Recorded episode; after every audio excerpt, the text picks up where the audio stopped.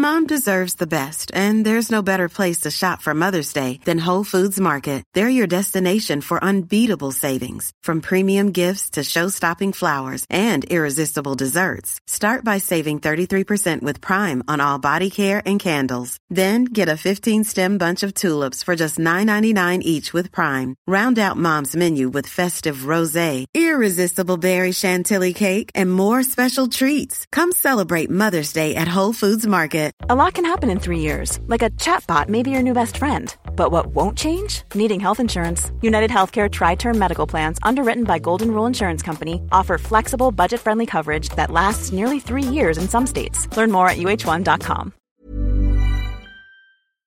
Vi är sponsrade av Länsförsäkringar. Det är vi. Eh, Jag har ju ett eh, problem i livet och det är ju att jag eh, rent ekonomiskt är något av en fuck-up. Eh, Jag eh, både tjänar för lite pengar och jag gör av med för mycket pengar. Och jag- det finns ingen framförhållning, det finns inget sparande till mig själv, det finns ingen pensionsgrej som har så många eh, som lyssnar skulle sätta eh, kaffet i, i vrångstrupen. Eh, när de förstår Ja, de gör det nu. Ja, när de förstår hur illa ställt det faktiskt är. Däremot så har jag lovat mig själv att jag ska inte låta den här ekonomiska fuck-uppigheten, som jag kallar den, föras över på mina barn. Eh, this ends now, har jag sagt. Och drag, dragit ett streck i eh, marken Bra. med kolkrita.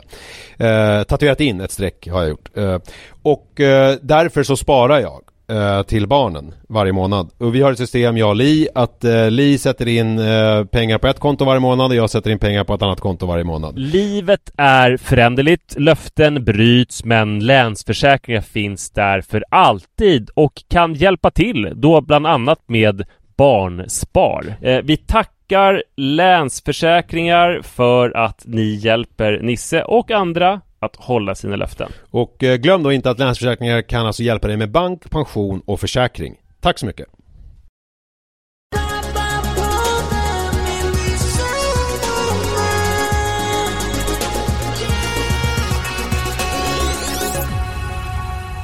Hej kära vänner och varmt välkomna till Pappapodden. Du sitter i Farsta, jag är i Hudiksvall och jag har gjort något spännande. För jag sitter i bastun som jag ofta gör när jag är här i Hudik. Just det. Det ehm, friskar på, det är väldigt högt vatten så jag sitter nu bara sju och en halv meter från eh, havet.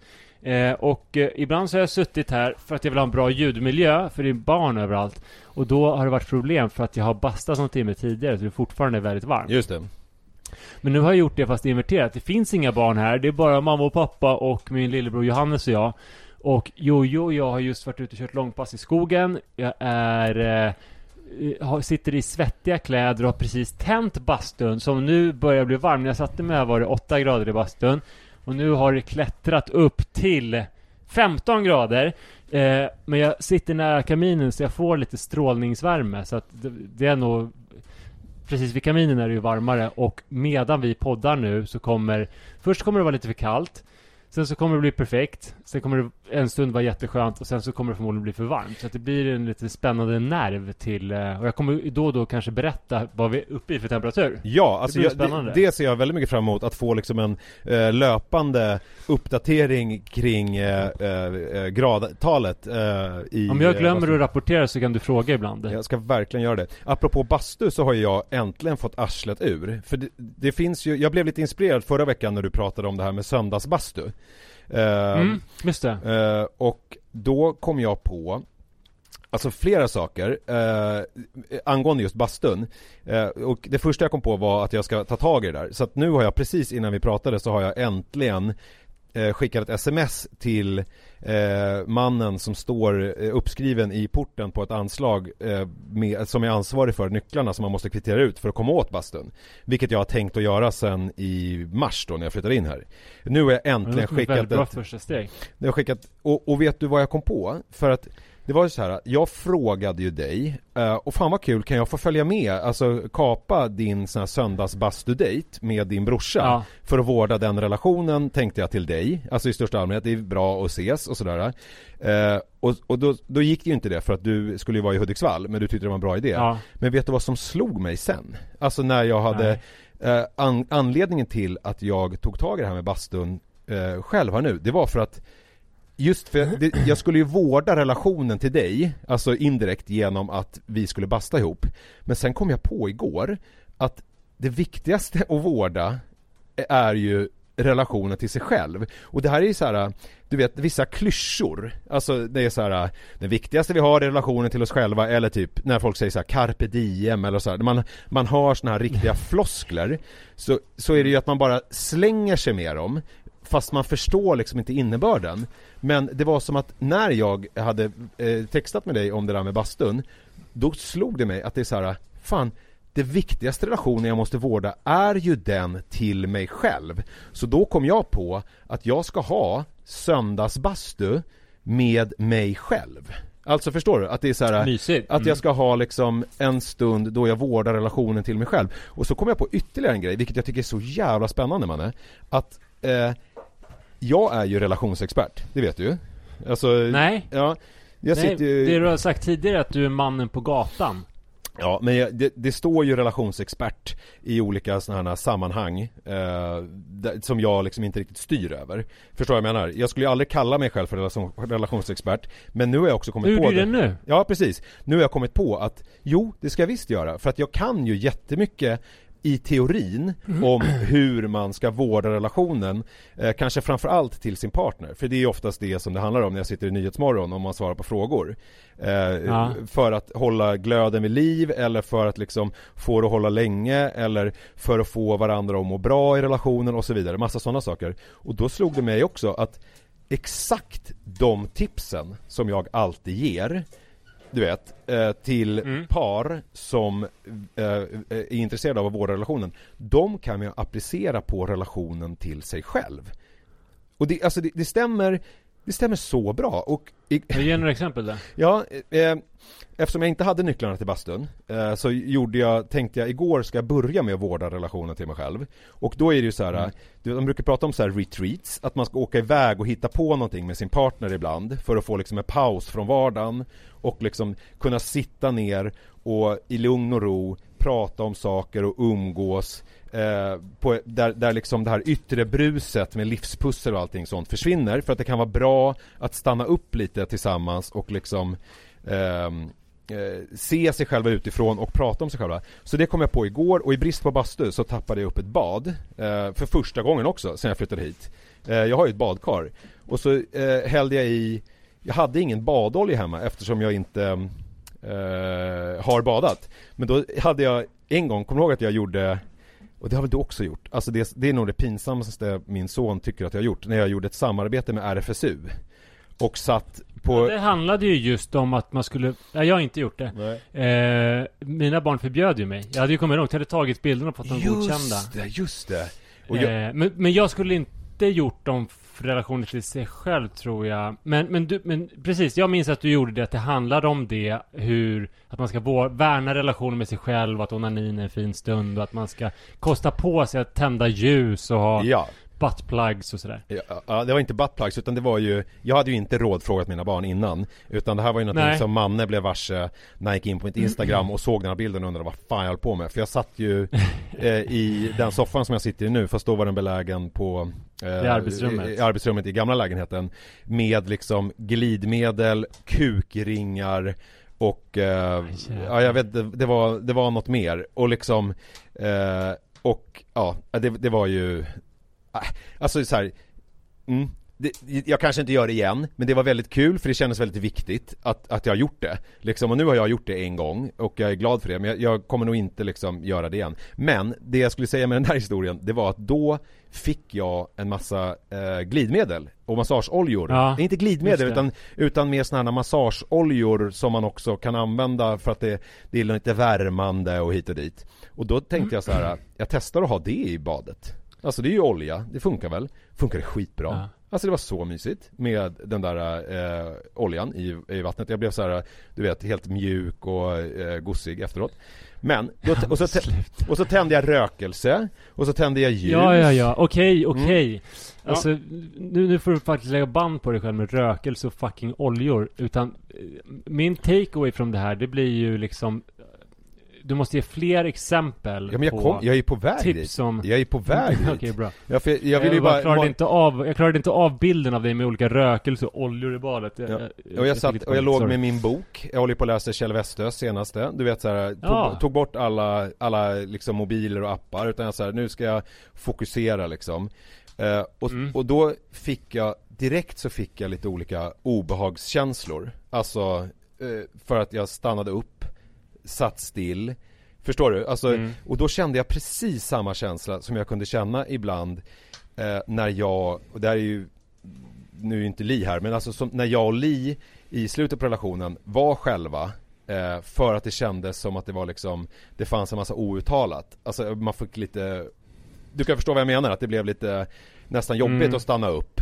Det är nästan skönare att bara kötta på Men så fort man stannar Ja, upp för att, för att om man gör liksom Nu gör vi den här grejen för relationen Då kan vi känna väldigt tydligt hur långt kvar man har Eller hur, hur liksom förljuget det känns. Ja. eh, Hur svårt det är att ladda det med någonting som är bra. Ja, och det, och det som är grejen då, alltså när man är i en, en relation med någon annan Då finns ju alltid alternativet Alltså gå skilda vägar Förstår du vad jag menar? Men när man sitter och får obehagskänslor med sig själv Då finns det ju inget alternativ som är gå skilda vägar Det finns ett alternativ och det är ju att man tar livet av sig Det är ju att verkligen gå skilda vägar från relationen av sig själv ju Eller hur? Ja, Annars, det, för det, det går ju inte att slippa sig själv på något annat sätt eh, Eller hur? Det, det håller du väl med mig om?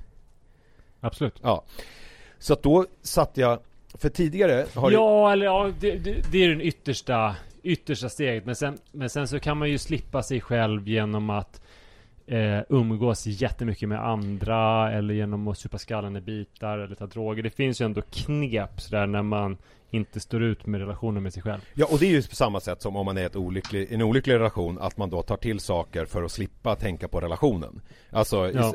eh, men då, då är det ju inte att man eh, Om man då, det som är själva grunden för det här resonemanget är ju att man ska få en bra relation till sig själv. Alltså, Mm. och inte behöva fly för att, det, för att om jag är i en dålig relation där jag känner att jag måste fly Alltså med någon annan Då finns ju alltid alternativet så här, äh, men jag gör slut eh, Och så går jag vidare för att den här relationen är destruktiv eh, Den ger mig ingenting Jag liksom Jag, eh, jag ger mer än vad jag får Eller vad det nu kan vara. Det finns ju massa sådana exempel på så här, det här är inte en bra relation Men det går ju inte att eh, göra det med sig själv. Alltså då blir det ju hela livet då en flykt. Alltså in i någonting annat. Eh, och så kan man ju leva sitt liv. Eh, det, jag liksom dömer ingen för det. Men för mig är inte det intressant. Utan jag känner ju att det viktigaste för mig är att jag vill liksom vara ihop med mig själv. Förstår du? Att det är min grundrelation.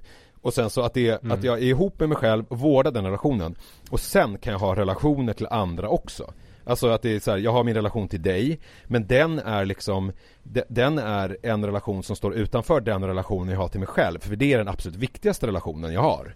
Eh, och, och då kan jag på ett annat sätt tänka möta dig i det. Alltså när jag har en, en bra relation till mig själv Så kan jag ge mig själv på riktigt till dig Och känna att jag finns närvarande för då är inte du en, en flykt. Alltså då är inte du någonting Nej, som jag tar till för att slippa mig själv. Alltså eh, om man har ett dåligt äktenskap att det är så här, nej men jag går till källaren och håller på eh, och meckar med bilen för att slippa relationen Alltså det är så här, om jag då bestämmer mig för att jag åker och bastar med Manne för att jag vill slippa basta med mig själv Alltså eller jag åker Mm. och bastar med Manne för att jag känner mig jävligt trygg och harmonisk och så här, jag är jävligt sugen på att hänga med Manne och bara få hans take på det här eller liksom prata med honom om de här grejerna eller liksom bara få ta del av din härliga personlighet. Men inte för att jag vill slippa mig själv utan för att jag vill i en bra relation med mig själv gå på en parmiddag med dig. Förstår du? Fast par, jag är ett par där jag har en relation med mig själv.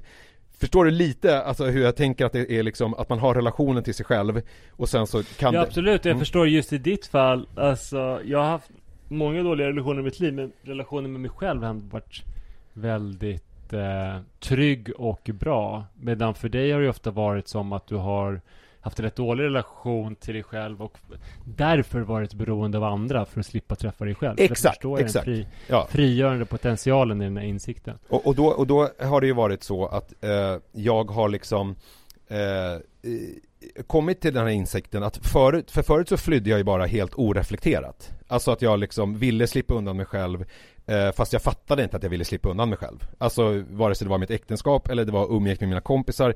Det var liksom inte att hänga med mina kompisar som var det härliga utan det härliga var att slippa mig själv. Och jag, men det förstod jag inte. Eh, sen har jag kommit till en insikt nu, eh, i, det kom jag till redan i våras. Alltså att jag eh, kan se när jag får liksom någonting, den här känslan av att gud det här skulle jag vilja liksom borra i. Den här frågeställningen eh, är viktig för mig. Jag kan se det framför mig att jag är i behov av någon annan. Förut har jag liksom bara, utan att fatta det, liksom typ Ja men mannen kan inte vi träffas och käka lunch? Eller någonting. Fast jag liksom inte förstått varför vi ska göra det. Eh, utan jag har bara liksom gjort det för att slippa undan. Men sen har jag kommit till ett stadie där det är så här, Gud jag känner mig lite orolig. Jag skulle behöva dryfta de här sakerna med Manne. Och så har jag kontaktat dig. Mm. Och då sa min terapeut sa så här, det här är skitbra. För nu har du kommit ett steg på vägen. Men nästa steg är ju att du får den här insikten, det här skulle jag vilja bolla lite, den här grejen. Men att du börjar och bollar den med dig själv innan du tar till en second opinion från en yttre. Förstår du? Så att det liksom mm. är att man först går till sig själv och eh, rådfrågar sig och så här vad, vad består i min oro och var, varför känner jag så här? Och sen när jag liksom har kommit på, när jag har liksom en lugn stund i den här som du hatar då, oljan och, och rökelsegrejen har på ett lugnt sätt kommunicerat med mig själv och pratat om eh, de här olika sakerna och har fått liksom typ som ett utkast till en tanke på hur, eh, varför saker och ting känns som de gör. Då kontaktar jag någon vän eh, eller en ex-partner eller vad det nu kan vara. Och, eh, och det som hände igår då var att jag kände liksom olustkänslor. Jag kände liksom lite ångest ångestpåslag. Eh, och men jag förstod liksom inte riktigt varför. Så låg jag i badet och så låg jag där och så hade jag den här nu kommer det igen då, spa-musiken på. Jag hade liksom de här jävla ljusen, rökelsen och så låg jag och tänkte. Och till slut så formulerade sig, när jag hade liksom legat ett tag och liksom varit i den här oroskänslan och inte liksom agerat på den genom att försöka fly. Vet du vad jag kom fram till då? Nej. Att jag längtade efter mina barn. Alltså att det var därför du kände oroskänsla? Ja, det var, det, liksom, det var det och då, och då tänkte jag Ja, så då textade jag med Li och så eh, frågade jag vad de gjorde och då var de bara hemma och då sa jag inte så här, kan jag komma förbi? Utan jag sa så här, jag tänkte gå ut på en promenad, är det okej okay om jag kommer förbi och bara säger hej? Eh, jag längtar efter ungarna. Och Li var så här, självklart, det blir jättemysigt. Och då kände jag så här, då hade jag, om jag tidigare kanske bara hade eh, känt olustkänsla, kastat mig på telefonen och ringt Li och bara, eh, kan jag komma förbi? Förstår du? Fast jag inte har liksom förstått riktigt varför jag vill komma förbi. Men nu var det som att jag hade suttit i badet och liksom resonerat mig fram till vad det var jag verkligen ville. Och då var det så här, fan jag vill träffa mina barn. Jag längtar efter mina barn. Eh, och så kontaktade jag Li och så gick jag dit med den intentionen. Jag längtar efter barnen och det är en okej okay känsla att känna och jag var medveten om vad jag kände och så gick jag dit och hade en jättemysig, vi var, jag var där en timme bara och vi satt och pratade och det var helt avslappnat. Det fanns inget så här att jag kom dit med någon ångest och liksom oros och olustkänslor utan jag kunde vara väldigt närvarande och tycka att det var jävligt härligt att träffa dem. Alltså att jag var där med mig själv eh, och träffade min exfru och mina barn. För att det hade jag kommit fram till när jag hade kommunicerat med mig själv att det var det jag ville göra. Det var liksom ett aktivt beslut. Eh, det var inte bara någonting som hände. Och det, alltså, och det här kanske liksom alla människor har gjort i alla tider och ingen känner igen sig Men för mig har det varit liksom en... I alla fall de som har en bra relation med sig själva Ja, jo men att det liksom är en sån otrolig, också så här, Alltså det är som att man får en ny kompis. Alltså så har jag upplevt det. Att det är så här, fan jag är ju, alltså nu låter det som ett så här självhävdelse-grejsmojs, men just så här, jag är ju jävligt smart. Alltså du vet så här, när man träffar någon polare som är så här, fan vad skarp du är. Fast man inte har tänkt på det förut. Men när jag liksom mm. har, när jag har satt i badet och bara liksom lyssnade på mig själv och tänkte så bara men jag vet ju Och valmusiken. Massa, ja, och valmusiken. Jag vet ju massa bra grejer. Alltså, och, om jag bara lyssnar på mig själv så kommer jag ju få massa nycklar och massa bra tips och råd på hur jag ska göra för att må bra. Eh, och då känner jag att, i, för att det är ju en, eh, om vi ska ta lite tips här, så är ju en viktig grej när man är i en relation till en partner, det är ju att man berömmer varandra. Alltså du vet att jag uppmärksammar, det kan vara allt från så här, gud vad fint du plockade undan i köket. Alltså du vet så här, mm. små grejer, små, eller så här du är otroligt vacker i den där klänningen. Alltså det slog mig nu när jag kom hem. Alltså att man, att man formulerar högt de där sakerna som man kanske bara tänker men inte säger. Utan det blir lätt så att man hakar upp sig på saker som är negativa.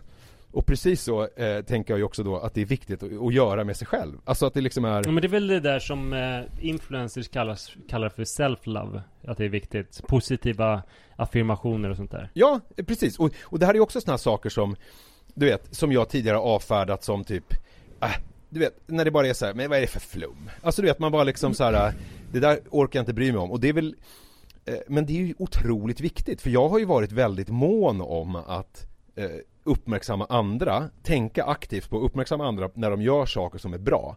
Och liksom, alltså positiv förstärkning pratar man ju om i eh, barnuppfostran och speciellt med barn som har liksom eh, NPF-diagnoser. Att man ska fokusera på det som är positivt och sen så vara i, när man har kritik så ska den vara väldigt konstruktiv.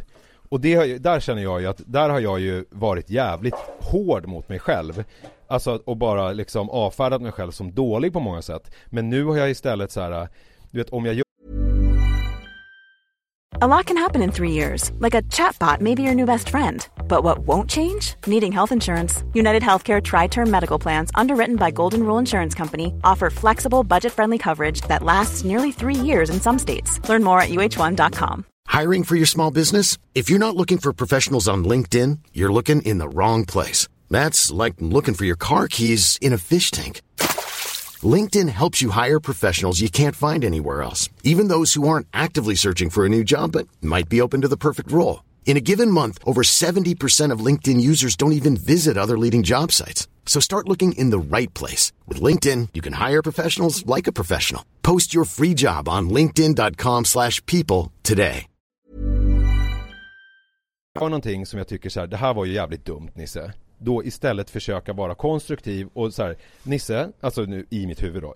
Eh, nu upplever jag att eh, det här du gjorde, eh, det var inte eh, helt eh, smart. Vad tror du om att du kanske nästa gång agerar på det här sättet istället? Alltså du vet att man även när man är liksom negativ mot sig själv försöker vara konstruktiv och komma med lösningar. Istället för liksom mm. att bara vara eh, Ja jävla idiot, hur fan kunde du, nu betedde du dig sådär igår igen. Åh, nu, nu pratade du för mycket eller nu, nu pratade du bredvid mun och nu sa du saker som du inte hade tänkt säga. Det här är ju uppenbarligen då mycket grejer som jag tänker på att jag gör. eh, eh, och tidigare har jag ju mer typ så här, äh, vad fan, fuck it. Skitsamma, jag är som jag är.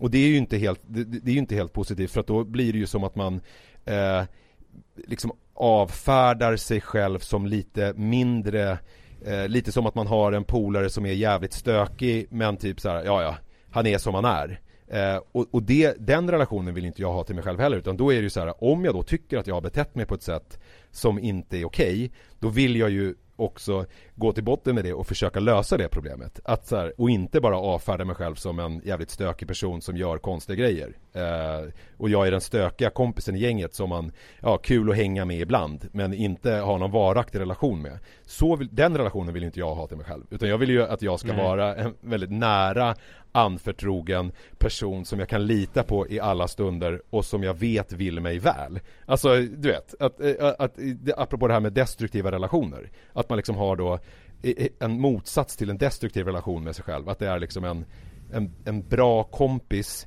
som man kan lita på och som vill en väl.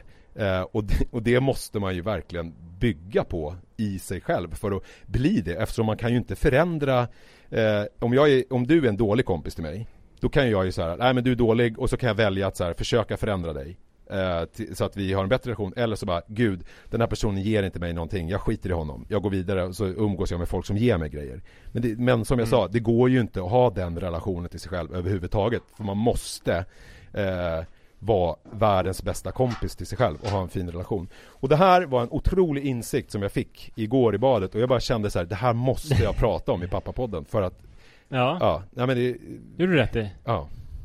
Du får utvärdera med dig själv sen hur det kändes och så. Ja just det, när jag pratade om det. Att jag bara säger men varför ja. fan snackar du om det där för? Jävla idiot. Ah, ja, ja. skitsamma. Uh, jag går ut på balkongen och tar en cigg och uh, scrollar lite Instagram och så, ja, får vi se vad som händer. Nu är det 50 grader. 50? Mm. Helvete, Det alltså fort, det gick från 15 till 50 när jag höll på med det här flummiga snacket om självaffirmation och eh, rökelse. Antingen har vi en eh, väldigt effektiv bastu eller så pratar du väldigt länge. Ja, eh, jag tror att det Men nu börjar det bli ganska skönt. ja. Nu är det nog liksom perfekt för att sitta och podda i en bastu för att eh, utrustningen skadas inte och än så länge så känner jag inget behov av att gå ut. Jag sitter på nedre laven.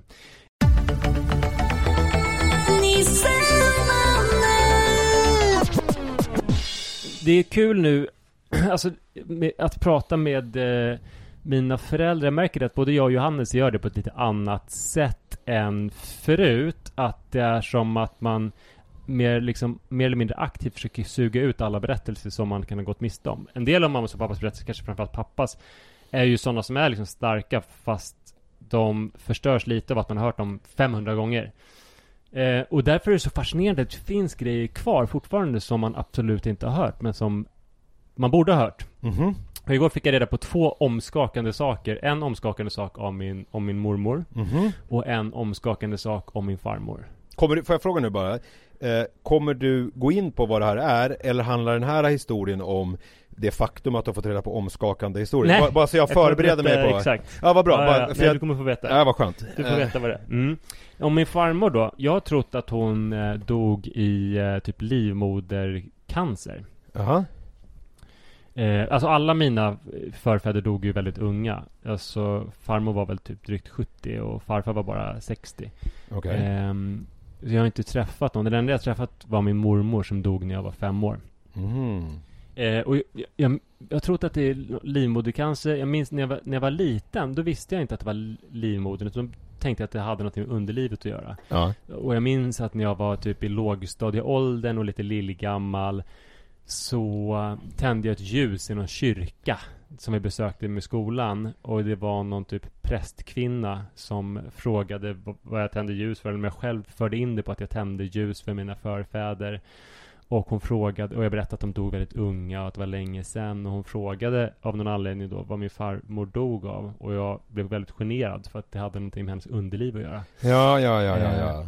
Sen har jag tänkt att det handlade- med livmoder, men nu fick jag reda på att jag hade rätt då i lågstadiet, när jag tyckte det var lite pinsamt, för att det hade med underlivet att göra. För att det hade verkligen att göra med underlivet. Ja. För det var nämligen så att min farmor fick problem, för hon fick någon slags eh, tumör i en blygdläpp. Jaha. Någonting som är otroligt, otroligt lätt att göra någonting åt, eftersom det sitter utanför kroppen. liksom. Just det, just det. Eh, det är inte invärtes. Nej. Och eh, hon besvärades mycket av det där och hon berättade då för mamma, sin eh, svärdotter om de här problemen och mamma sa att Ja, vänta, att, att, Du förlåt, måste- jag måste bara, alltså att det inte var problematiskt Det var för att det var en tumör eh, som satt, som var ganska lätt att plocka bort. För det som jag har förstått, nu kan jag inte så mycket om cancer märkte jag, men alltså att det är väl inte tumören i sig, om den inte sitter på något dumt ställe i hjärnan och trycker på någonting eller att den typ förstör levern, att man har något sånt. Men det som är problemet eh, eh, är väl när det bildas metastaser och cancern blir aggressiv och sprider sig till liksom väldigt många delar av kroppen. Och jag tänker att om man har då en tumör i en blygdläpp så är liksom inte själva den Ja. tumören problemet, eh, förutom då att det är jävligt obekvämt och jobbigt, utan det är ju om det då bildas eh, cancer, eh, att det sprider sig hela den där, liksom, att cancercellerna sprider sig till andra delar av kroppen där de gör mycket skada och där det inte går att göra någonting åt det. Det- Jag vet inte heller, men alltså det är väl så att om man tar bort den i tid så kommer det inte sprida sig. Precis. Nej, exakt. Eh, och hon hade då det här problemet och min mamma sa till henne att du måste givetvis gå till gynekologen Ja. och göra liksom ett ingrepp och fixa det här. Just det. Och då sa hon att är du inte klok? Det kan jag ju inte göra. Det, det finns en gynekolog i staden. Det är Rykelius. Ja. Och Rykelius är en umgängesvän till oss. Jag kan inte, jag kan inte sitta och visa könet för Rykelius och sen sitta på middag med honom några dagar senare. Det är helt omöjligt. Det här är ju jävligt Och- intressant. Jag, jag, jag eh, Och- sprang och då in... sa mamma att... men, Nej då förlåt. sa mamma att... vad, vad vill du säga? för Nej men förlåt, nej men apropå det där med gynekolog för att jag eh, sprang in i en person vars mamma, och det är inte mig själv jag pratar om det, vars mamma var gynekolog och hon berättade, apropå att vara helt avslappnad, att, att hon brukade bli undersökt av sin mamma. För att det är så här, varför ska jag gå till någon annan läkare när min mamma är eh, gynekolog, hon kan väl undersöka mig. Och jag bara, först så tänkte jag så här, det var det sjukaste jag hört. Men sen så bara, ja, eller var det det? Och jag, där apropå att ha en bra relation med sig själv och sitta och försöka prata om och reda ut saker. Jag vet fortfarande inte riktigt vad jag tycker. Om, jag, om det är, vad, vad, vad tycker du? Är det liksom en, är det konstigt eller inte konstigt? Jag, jag tror att det är helt oproblematiskt. För om man är trygg i sin läkarroll och vet att, och det är ens mamma. Men här var det annorlunda, för här var det alltså Rykelius som de träffade på fina, fina middagar. Mm. Eh, så därför kunde hon inte gå dit och därför blev det mycket, mycket värre och hon tillbringade sina sista dagar i det röda huset som står här på vår tomt som var det första huset som byggdes. Och eh, hennes systrar Anna och jag tror Elsa. Mm. Nej, det kan de inte ha hetat. Det heter ju de i Frost. Anna och Elvira kanske. de tog hand om henne och hon eh, dunsade i golvet med en käpp när hon ville ha punch. Vilket var väldigt ofta. Vilket var liksom den enda smärtstillande hon hade eftersom hon fortfarande inte hade gått till någon läkare med de här problemen. Och sen dog hon. Eh, otroligt, otroligt att eh, liksom sällskapslivet då gick före hennes hälsa. Och att det var så otänkbart att gå till Rykelius. Ja, det, Så kunde det vara en liten stad vid den tiden. Men förstå, alltså apropå det här med relationen, jag är helt inne i det. För undrar vad hon tänkte när hon gick och la sig på kvällen. Om hon kunde blockera bort det där bara och tänka på nästa sammankomst med Rukelius eh, och vilket porslin de skulle ha, vilka servetter det skulle vara och vad de skulle servera. Eller om hon låg och hade dödsångest och tänkte så här helvete, eh, jag, jag kan inte, jag kommer inte överleva det här men jag kan inte göra det för att det vad tror du? Hur tror du hon tänkte? Ja, Både och. Mm. Jag tror hon tänkte både på dukningen och på dödsångesten. Och, och hon hade ju liksom döden på nära håll eftersom hennes man hade dött typ eh, tio år tidigare också. Fan vad hemskt. Den andra omskakande saken jag fick reda på mina förfäder, det var mormor. Mormor har jag ju minne av. Alltså det var hon var som sagt den enda jag träffade. Ja det var när du var fem Eh. år gick hon bort. Ja, Mm. och enda jag minns av henne var att vi var och besökte henne i Nyköping och jag och min syster Moa fick leka på gården och hon var så här eh, firade ner leksaker som vi kunde ha i sandlådan firade hon ner från köksfönstret med ett snöre. Och att det kändes liksom både uppfinningsrikt och lite busigt. Ja. Eh, hon var en väldigt speciell kvinna för att hon var eh, liksom Queen of Nyköping. Hon var dubbeldoktor ehm, i språk. Hon hade skrivit någon doktorsavhandling om någon fransk preposition. Eh, hon var otroligt vacker. Eh, men hon var också väldigt eh, eh, depressiv. Ja, ja. Eh, både hon och morfar var ju någon slags superstjärnor. De var skitsnygga och coola. Eh, jobbade på Nyköpings läroverk. Eh, morfar var rektor och eh, eh, mormor var språklärare. Vilket Ja. var väldigt speciellt för min mamma eftersom hon gick på den skolan då. Och vilket också var speciellt eftersom Alltså fortfarande, alltså Moa som bor i Nyköping pratade med någon som hade haft eh, Nils då, eh, vår morfar, på skolan. ja. Som berättade att han alltid luktade sprit liksom. Ah. Eh, och förutom att de alltid luktade sprit så älskade de att ta väldigt, väldigt mycket tjack när de hade skrivit sina avhandlingar och sånt där. Så de hade alltid liksom tagit mycket preparat av olika slag och kedjerökte. När eh, mormor dog, då fick jag ärva två saker av morfar. Ja. Eh, som hade dött långt tidigare men som var kvar i mormors hem då. Ja. Och det var dels en liten kulhammare. Eh, alltså med träskaft. Vad är en kulhammare? Är det en sån här, vad är en kulhammare ens? Gud, vet du, jag, när jag säger det så vet jag inte, men det är väl att det är eh, som en liten kula på ena sidan. Ja det är alltså inte en sån här, de här stora som har liksom en böj på bak där man kan dra ut spikar och sånt utan det är en sån här eh, som mer ser ut som, lite som ett städ. Alltså att det liksom är, är det, är det en kulhammare? Ja. Att det är liksom lite, lite Fan, spetsigt, jag, skulle, lite du, jag skulle spetsigt. inte sagt kulhammare. Jag tyckte bara att, att det lät mer exakt än om jag bara sagt hammare. Det var en liten hammare, med, en liten hammare med träskaft. Och så fick jag eh, ärva en eh, skinnplånbok. Eh. Ja och fast, jag var ju van vid röklukt som man var vid den här tiden på slutet av 80-talet. Men de stank så mycket rök. Till och med hammaren med träskaft stank så mycket rök. Så att jag minns att jag slängde ut dem på tomten. För att jag kunde liksom inte hålla dem i handen. För de luktade så mycket rök. Gud, alltså Eh, som, som när något som är brandskadat, alltså när, man- när det har brunnit Ja. och man har, räddat ett Exakt. fotoalbum men det liksom går inte att ha någonstans förutom i någon liten Nej, jag kunde inte förseglad- ha det Nej. inomhus överhuvudtaget. Fy Så att det fick ligga liksom ute och jag vet inte, jag gav upp till slut tror jag, för det slutade liksom aldrig lukta rök. Eh, men då... Eh, alltså hon var ju lite som, du vet, Döda Poeters Sällskap. Alltså en gudabenådat bra lärare, min mormor. Ja. Så mamma i gymnasiet då skulle få ha henne i spanska. Mm. Och eh, var, hon skulle ha sin egen mamma i spanska. Är det- är det- lektionen Är, är det mer eller mindre problematiskt att bli undersökt av sin mamma som är gynekolog eller bli undervisad i ett eh, latinskt språk av sin mamma som är eh, lärare i språk? Det- beror nog helt på mamman. Du får väl avgöra efter att jag berättat färdigt. Ja, okej. Ehm, men eh, det var liksom, berättar mamma, en väldigt förväntansfull stämning. Eftersom då eh, mormor var en person som stack ut. Att hon var lite så här rockstjärnelärare. En del hade hört att hon hade okonventionell och väldigt, väldigt bra undervisning och sånt där. Så Ja. att mamma var liksom stolt redan på förhand. Men också nervös eftersom mormor var lite ostadig. Och sen då första lektionen. Så kom hon in och var Plakatpackad. Aha. Så att hon behövde ta stöd på väggar och bänkar när hon tog sig in till katedern. Satte sig tungt Och eh, liksom hälsade inte välkommen på ett vettigt sätt utan Satt och granskade sina naglar. Och det var ingen tvekan att hon var berusad, alltså ingen i klassrummet kunde missuppfatta eller missförstå det här eller förstå det som någonting annat. Utan jag tänker om det var din mamma som uppfattade det här för att hon såg Nej, som, alltså hon, hon både stank och raglade och Ja, okej. sluddrade Ja, usch Eh, hon satt länge och granskade sina naglar. Och sen pratade hon om att det är så hemskt att hennes naglar är så dåliga och att ni flickor har mycket finare naglar och sådär. Kan ni visa era naglar? Helt insnöad på naglar. Jag kunde bara prata om det så det blev aldrig någon undervisning i spanska överhuvudtaget. Och eh, mamma ville såklart sjunka genom jorden. Ja, Det var det mest pinsamma hon dittills hade upplevt.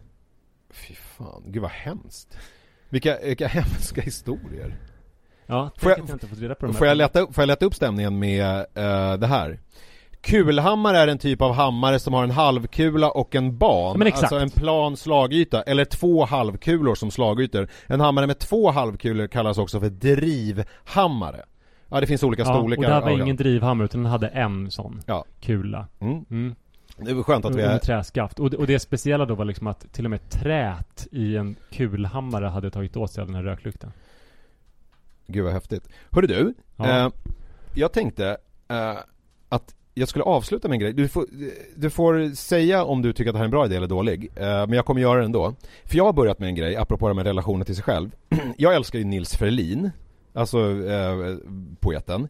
Och då har jag en diktsamling med hans eh, samlade dikter. Och jag, eftersom jag nu är en sån här ny med rökelse och olja och har blivit en sån person ju.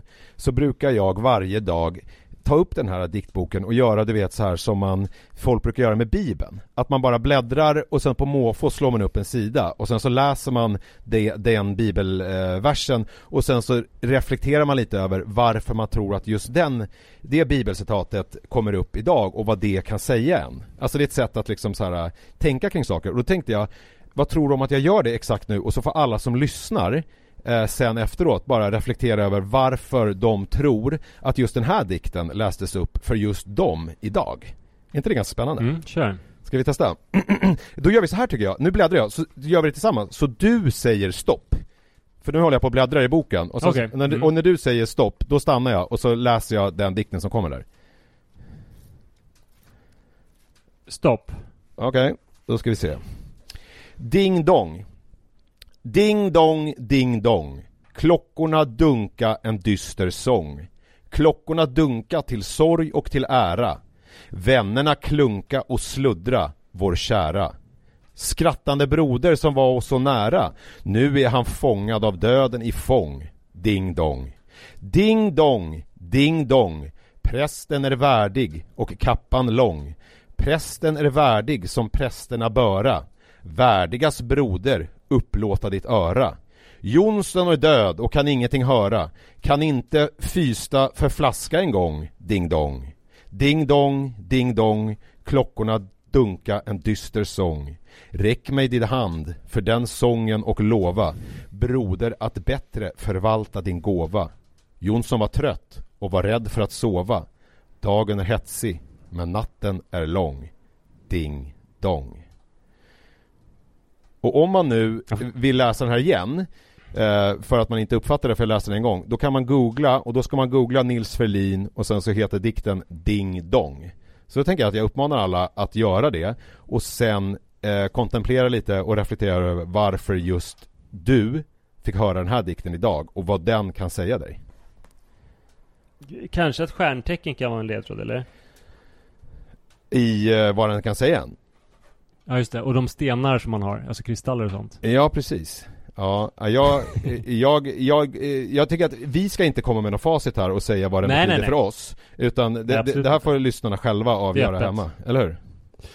Vi säger så, tack för uppmärksamheten, vi hörs om en vecka Hörni, det gör vi. Nu ska jag hämta nyckeln till bastun och vårda relationen till mig själv. Fint Hej då! Hej! Hi, I'm Daniel, founder of Pretty Litter. Cats and cat owners deserve better than any old fashioned litter. That's why I teamed up with scientists and veterinarians to create Pretty Litter. Its innovative crystal formula has superior odor control and weighs up to 80% less than clay litter. Pretty Litter even monitors health by changing colors to help detect early signs of potential illness. It's the world's smartest kitty litter. Go to prettylitter.com and use code ACAST for 20% off your first order and a free cat toy. Terms and conditions apply. See site for details. Imagine the softest sheets you've ever felt. Now imagine them getting even softer over time. That's what you'll feel with Bowl and Branch's organic cotton sheets. In a recent customer survey, 96% replied that Bowl and Branch sheets get softer with every wash. Start getting your best night's sleep in these sheets that get softer and softer for years to come. Try their sheets with a 30-night guarantee. Plus, get 15% off your first order at bowlandbranch.com. Code BUTTERY. Exclusions apply. See site for details.